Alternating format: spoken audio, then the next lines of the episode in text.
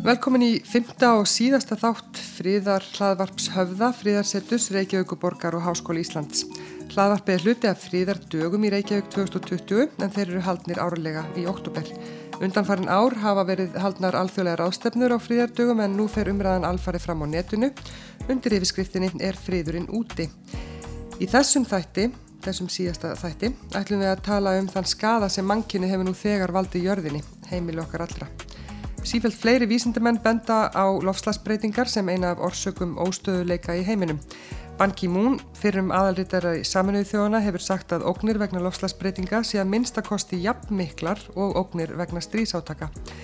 Frá árunni 2010 hefur bandaríska varnamálröðanuti til að mynda flokkað hlínandi lofslag sem eitt þeirra þátta sem valda óstöðuleika í heiminum. Skelveldi ofbeldi í Darfur héræði í söður Sútan sem jafnvel hefur verið kallað þjóðarmorð hefur meðal annars verið rakið til ofslagsbreytinga og þá hefur því verið haldið fram að mótmælinn í Egiptalandi þar sem Hosni Mubarak var steift af stóli árið 2011 hafi ekki aðeins verið hluti af öldu mótmæla í arabíska vorunu þar sem í aðdraðandunum hafi líka verið miklir þurkar sem hafi gert það verkum að verð á matvælum hækkaði verulega.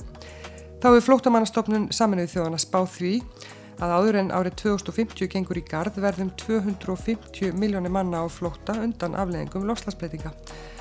Lofslagsbreytingarnar koma nú þegar versnir og íbúum fátakustur ríkja heims og í þessum hlaðvastáttum hefur oft komið fram að ójöfnöður, mismunun, fátakt leiði til ófríðar. Því er afar brínt að ræða lofslagsbreytingar af mannavöldum í tengslu við frið og Þau eru komin hingað, þau Hafdís Hanna Ægistóttir, verkefnastjóri hjá stofnun Sæmyndar Fróða um sjálfbæra þróun, Þorgerður Marja Þorbjörnadóttir, formaður ungra umhverfi sinna og Alli Viðar Tórstensens sviðstjóri hjálpar og mannúarsviðs Rauðakross Íslands. Verið velkomin. Takk. Takk.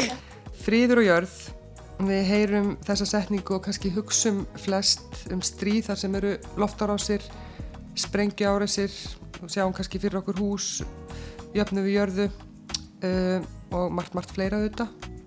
En ef við skoðum frið bara út, beinleins út frá jörðinni sjálfri og stöðuðan ágang mannsins á auðlindir hennar, myndu þið tala um stríð í þessu samengi eða ófrið?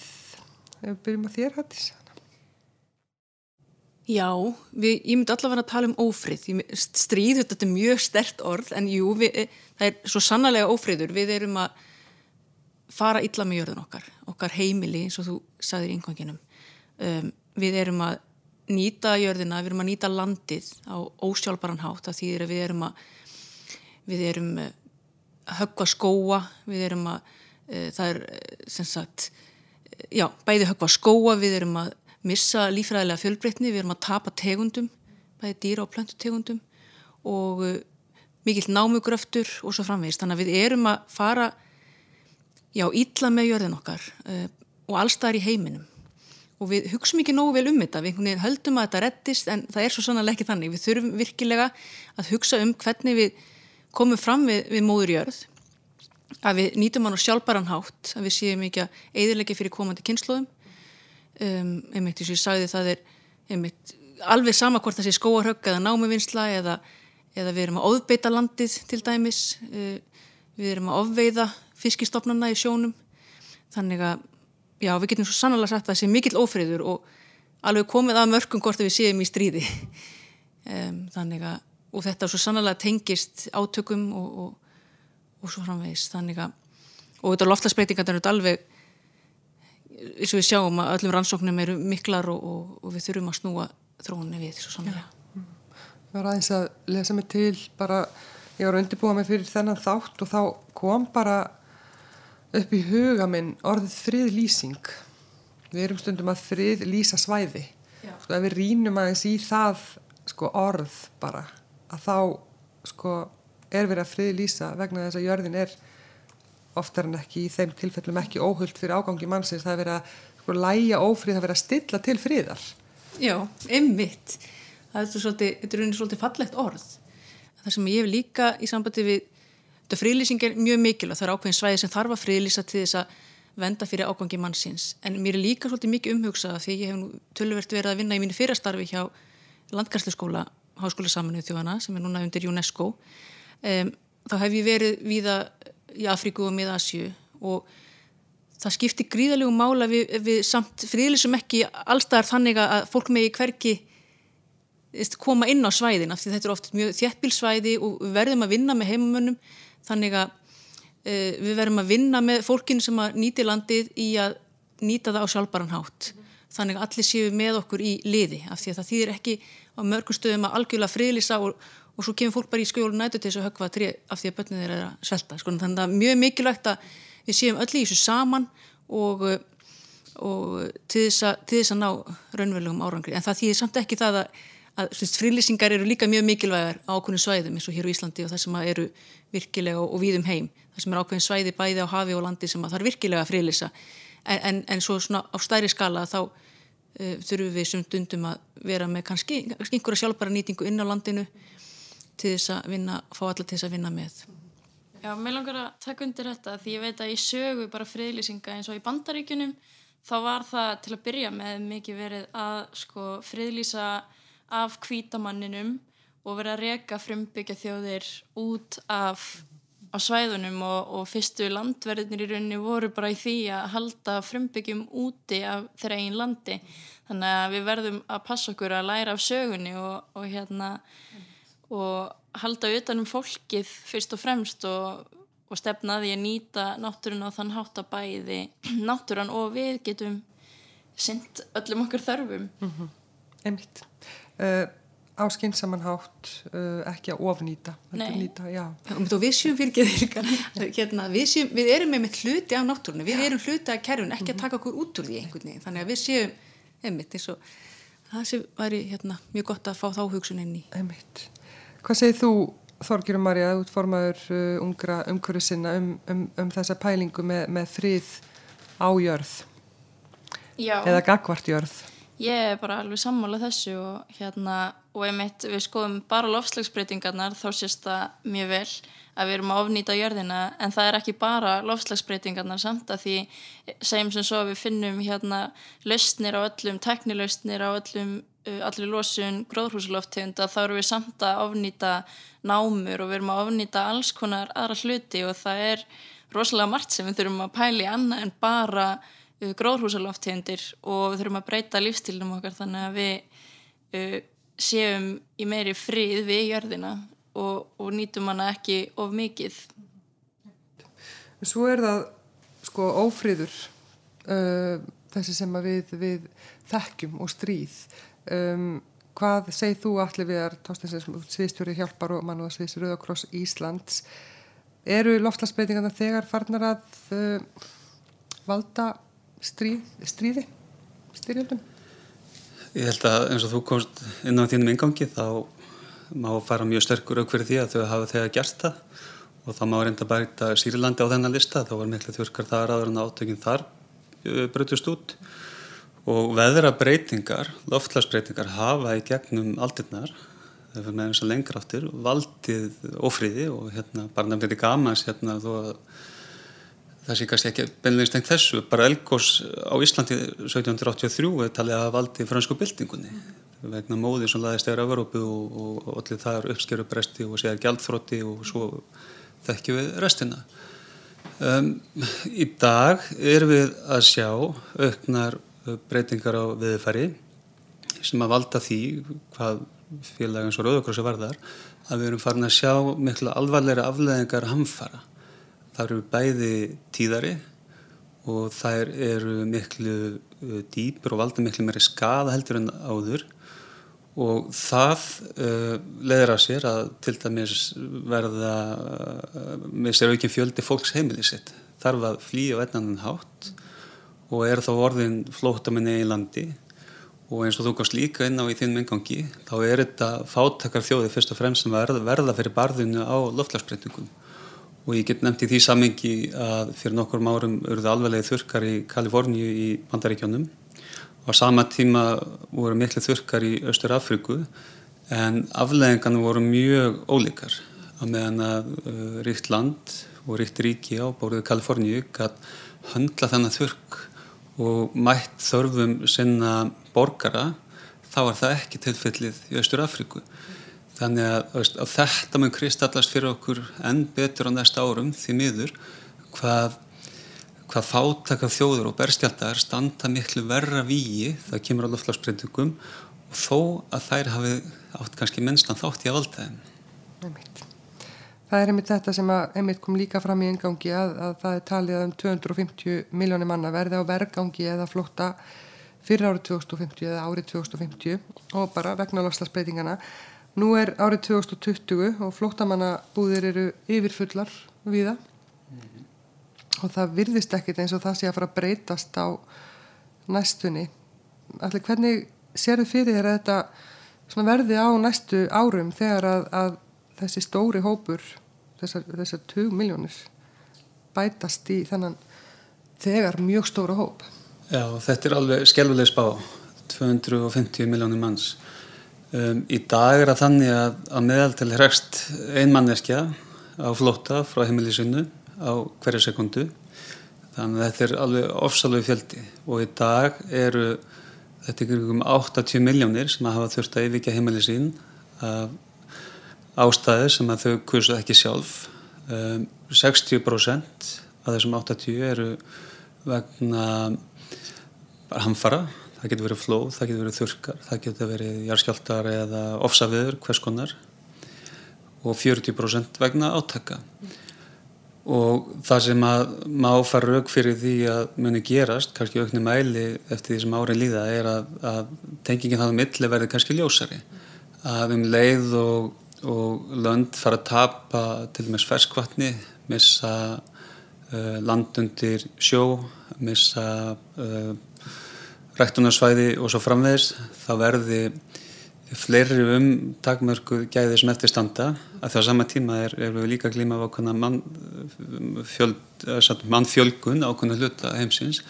Og það getur svo afturleitt að sér aukna spennu bæði milliríkja og innaríkja og sem dæmum ferskvatn uh, maður hugsa sér að hvað gerist ef að ríkja af til dæmis breytir árfarvegi sem nærir kannski fleiri ríkja en það einna til sín hvernig tekur, tekur ekki bí á því. Og það, það er mjög öðvöld að setja upp svona scenarjó en það kannski riggilega við þetta að þetta er ekkit óhugsandi og kannski bara freka líklega heldur en ekki að eitthvað í þessu líkingu muni gerast. Og það aftur mun þá leiða á sér enn meiri skjelvingar uh, fyrir flótta fólk og loftlagsflótta menn sérstaklega. Og kannski maður nefna það líka að ólíkt þessum hefðbundnu flótamennum sem að njóta vendar samkvæmt alþjóðlegum samningum, flótamannarsamningi í samnöðu þjóna frá 1951 mm. þá njóta loftlagsflótamenn eh, ekki sambarlega vendar og það hugtaka er mér ekki viðkjent í alþjóðlögum eins og staðnir í dag þannig að það eru alls konar áskoranir sem við stöndum frammi fyrir bæðivarandi flótafólk og svo þetta loftlagsbreytingar og ágangu jörðina en, en þetta tengist allt með einum öðrum hætti mm -hmm. Já Allar þessar spár, Þorgiru Marja, þú ert frá hérna ungum umhverjusin, með að segja formaður. Við hérna hinn þrjú sem setjum hérna, Hafti Sanna, Alli og ég, verðum kannski eitthvað áttrætt afsakið ef ég er að, ég verð því sem að setja svona, ég verð áttrætt 2050 Já. og ég hef mjög miklu rákjur að þessu. Uh, þú ert svo miklu yngri og þú ert bara, bara þú, ert ennþá ung kona 2050, hvernig líður þér að heyra þetta sem við verðum að tala um hérna 250 miljónum manna á flóta Já, bara, og ykkur, bara unga fólkinu. Mér finnst það bara skelvilegt og, og sappist að segja hef ég ekkert sérstaklega miklar áhugjur af, af Íslendingum. Mm -hmm. uh, mér finnst allt of mikið verið að einblýna á Ísland þegar sko það er mikið að fjölmjölum búin að koma hinga og hafa sko mikið áhuga út á bránin jökla. Og þetta bránin jökla er uh, það er vísbettingin það er ekki hérna hræðileg afleðing, auðvitað er mjög leiðilegt fyrir okkar menningasögu að missa jöklana en ef þú setur það í samhengi við önnur lönd þar sem að reynilega bara þau fara á kaf og fá ekki hérna, fá ekki, hafa ekki ferskvatn og eru bara að leita sér að sko nýjum landsvæðum, að kaupa landsvæði Ástralíu til þess að reyna bara að flytja miljónir manns mm. uh, og veit ekki hvernig það er fjármagna það, það er bara pínu líti í, í hérna í samhenginu við okkur hérna auðmingja Íslandingar að missa jöklana því þeir eru að brána uh, við verðum að hugsa þetta á svona nattrænum skala mm -hmm.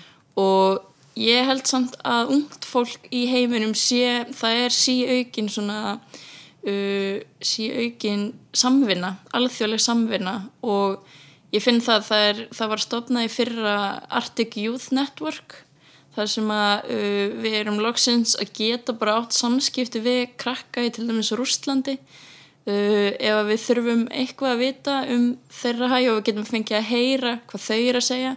Og ég held að þetta sé bara að fara að vera uh, meira. En auðvitað þá er maður mjög uggandi yfir þessu á sko nattrænum skala. Mm -hmm. að, og líka bara við sjáum hvernig við erum að taka mútið flottamönnum núna. Hvernig, hvernig verður þetta í framtíðinni? Mennum við viðkenna neyð fólks sem er uh, lofslagsflottamenn uh, eða ætlum við að skýla okkur á bakvið reglur eins og hérna er verið að gera mikið og, og ég myndi að lofslagsflottamenn eru ekki viðkendi flottamenn það er náttúrulega, þá er mjög öðvöld að skýla sér á bakvið kerfið þannig að ég hef miklu áhugjur og það eru krakkar með mér í, í stjórn sem eru uh, 14 og 15 og þau eru ennþá yngre en ég og ég er að horfa þau og bara hvað hva ætla þau síðan að gera mm -hmm. þú veist, en mhm. ég held að að þetta sé alveg alltaf ástæðan fyrir því að ungt fólk er með lofslagsmótmælin er mikið að pæli þessu. Greta Thunberg er mikið að pæli þessu og þau eru mjög svona það er mikið örvænting. Já. þau veit ekki hvernig þau hafa áhrif að því þau kunni ekki á stjórnsýslukerfin að því að þau eru krakkar.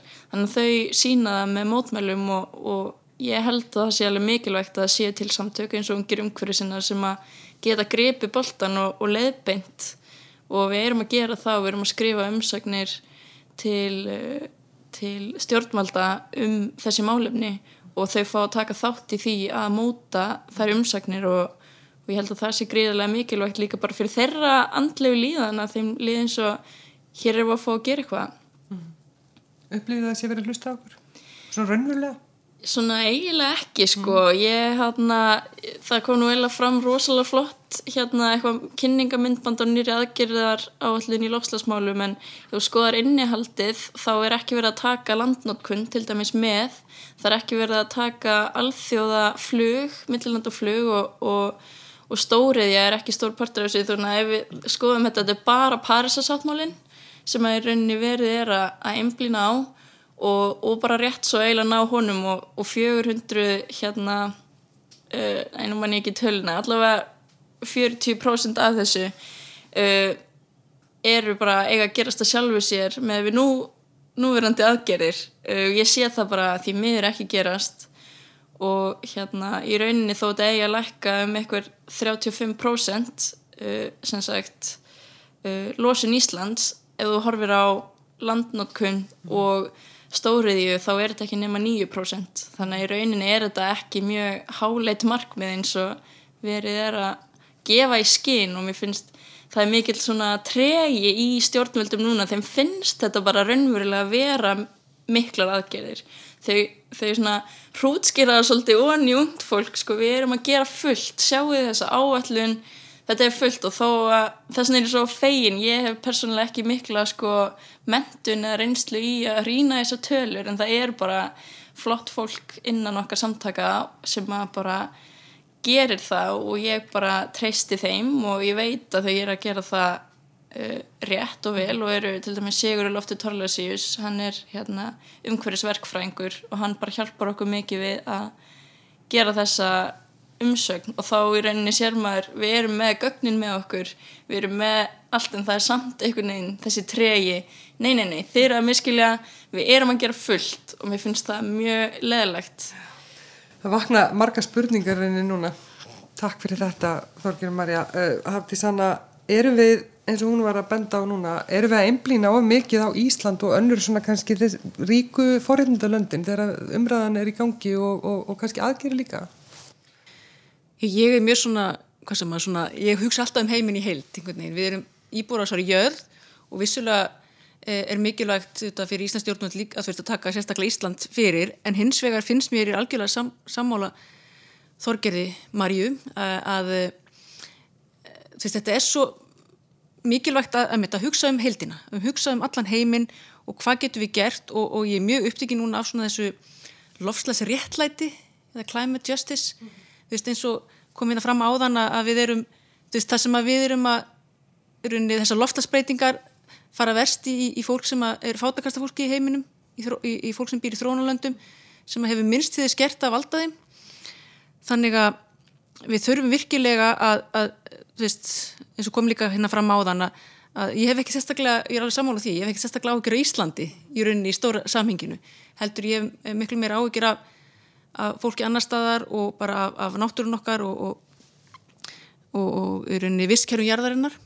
Þannig að mér finnst að ég, já, mér finnst að við þurfum að taka hafa allan heiminn undir og okkar aðgerðir að þær þurfa að vera mjög metnaðafullar af því að við getum það, við erum rík þjóð og við getum svo sannarlega sett okkur mjög e, eh, háleit markmið og veru öðrum til fyrirmynd, já, veru öðrum fyrirmynd og líka í sambandi við flottamennina að eh, mér finnst líka svo áhugavert að skoða tölun, það er oft svo mikið einblínt á í umræðinni, þú veist, hvað eru þú veist, hvað er Evrópa að taka mikið af flottumenn og allir þessi flottumenn sem eru að koma til Evrópu en staðrindin er svo að flesti flottumenn eru annarkot innan sinna eigin landa eða rétt yfir landamærin, þannig að þetta eru löndin svo þú veist, Líbanon og Uganda og, og fleiri lönd sem að er að taka mjög mikið af flottamennum og, og ég hef mitt verið í Uganda og það er, þú veist, kíkt á tölundar í morgun og það eru e, yfir 1,4 miljónir manna sem að eru flottamenn í Uganda og koma þá frá Suðu Sútan og Burundi og, og svo framvegist, þannig að og þetta er mjög fátætt landsamt sem áður.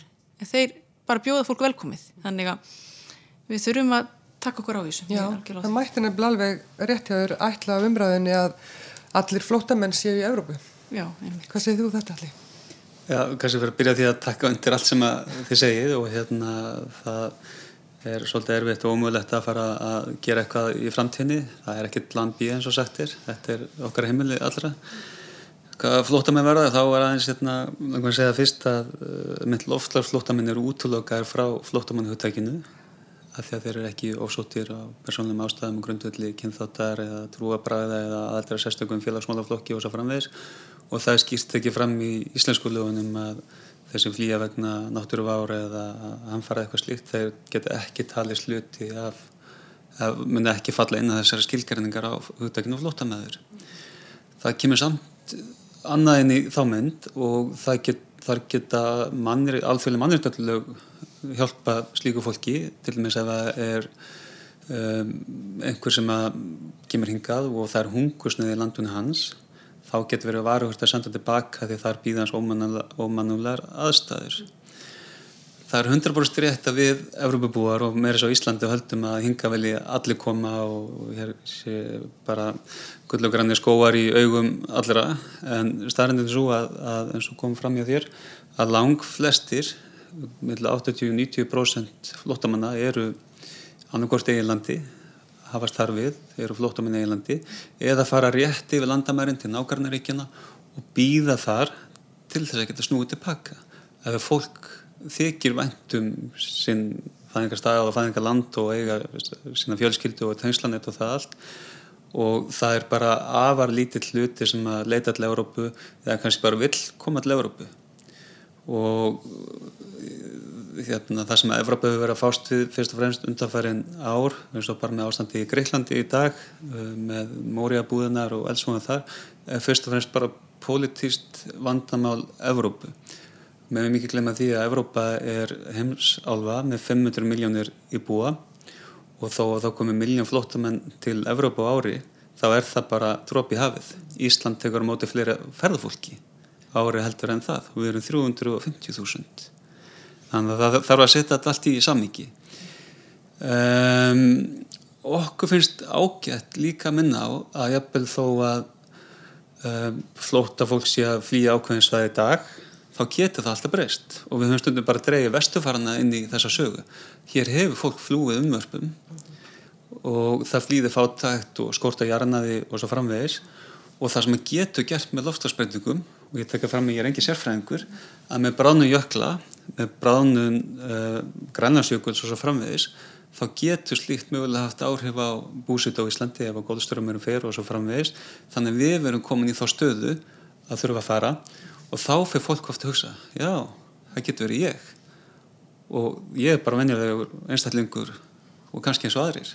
Þannig að það hjálpa fólki að setja sér í, í spór annara og sína þessu viðfáðsefni áhuga og samúð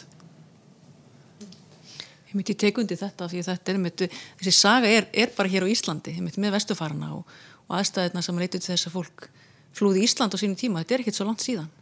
Þannig að við gleymum því stundum að, að, og við horfum svona með stolti til vestur Íslendingana og það er fólk sem hefur mitt flúður landi út af til dæmis út af erfiðum aðstæðum fátækt og, og, og, og náttúrhamförum Ég er að fara að ljúka þessu núna og hvað ykkur er eitthvað sem þú vilt segja að lokum bara stutt, Þorgjörn Marja? Já, bara hlustið á unga fólkið.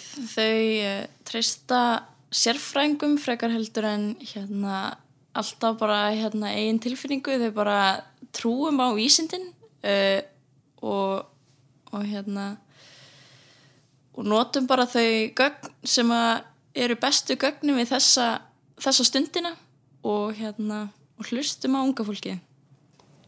Takk fyrir þetta, Þorgjur og Marja, Hafdís Hanna og Alli Viðar. Takk fyrir komina. Takk fyrir okkur. Takk. Heyrum næst í Rund Gunsteinsdóttur framkvæmdastjóra festu miðstöðvarum samfélagslega ábyrð en hún byrjar á því að velta fyrir sér hvers vegna lofslagsbreytingar geta leitt til átaka í heiminu. Já, mér finnst þetta frábær spurning að spyrja hvort það sé hægt að tala um að það er ríki fríður á jörði, á jörði og meðan við erum að ofnota auðlindi jörðar og, og margir segja við sem að nýðast á jörðinni. Mér langar eiginlega bara að spyrja þessara spurningar bara út í út í alheiminn, bara þá sem er að hlusta, hvað finnst okkur um það? Af því að þetta er svo stór spurning og það er svo frábær umræða í gangi alþjóðlega um til dæmis bara því ég veit að þessir tættir fjallar svo mikið um staðrindir og hvað er að gerast og oft frá uh, svona sérfræðingasjónarhóttnum.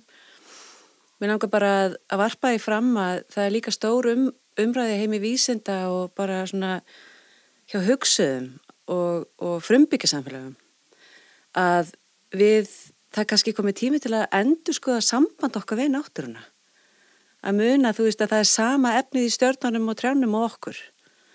Og hérna og bara spyrja okkur sjálf hvað finnst okkur? Og svarum mitt að þetta er fullt af staðrendum og, og reynslusögum og vísendarlegum hérna skjálfilegum staðrendum sem er að núti sem að segja að svara við þessu er eh, nei við getum ekki tala um að það ríki friður á meðan að staðin er svona.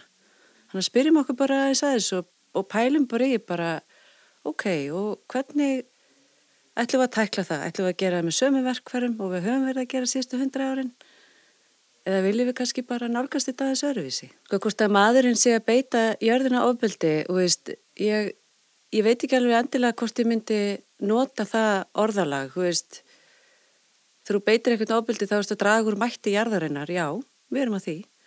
Við erum búin að ganga yfir þólmörk jörðarinnar út af tilvins menning okkar, mannsins Þannig að þýldum til þá eru við að gera það, já. Og þegar að þólmörk gerðar, e, þegar við göngum yfir þólmörk gerðar, þá þýðir það í einföldu máli að jörðin missir getu sína til þess að endur nýja sig. Og ég var alveg fyrir það að sjórin tekur endalust, veist, hendur mér sér bara í sjóin. Og þetta hefur það breyst og við erum alltaf með þetta um að það er ekki þannig. En e, þegar við erum fann að gangi við þólmörk gerðarina þá þá þurfum við að breyta svo mörgu í, í okkar hugsanagangi og, og eins og ég segi bara aftur að endur skilkina samband okkar við jörðina. Af því að ef hún er ekki endur nýja sig, þá erum við öll bara í svolítið mikið djúbum skýt. Sko hvernig geta aflegginga lotlasbreytinga leitt til ófræðar og átaka? Kanski einfalt að taka þrjú dæmi Lótlasbreytingar og, og líka bara það hvernig við höfum umgengist auðlendir jarðar veldur því mjög víða að fólk hefur ekki aðganga fesku vatni. Það veldur því að fólk getur ekki yrkja jörðina eins og, eins og það gæti ef aðstæðir væru góðar. Það veldur því að fátækt eigst, það veldur því að fólk hefur ekki aðgangað grunnþörfum og þegar að fólk hefur ekki aðgangað grunnþörfum þá eru við líklegt til alls og við gerum allt til að venda börnin okkar, fórildru okkar, sískin okkar. Þannig að uh, það er á þennan hátt til dæmis sem að lofslagsbeitingar geta leitt til átaka. En það er líka annað sem ég held að við Íslandingu þurfum að spá í og fara að byrja undirbúa.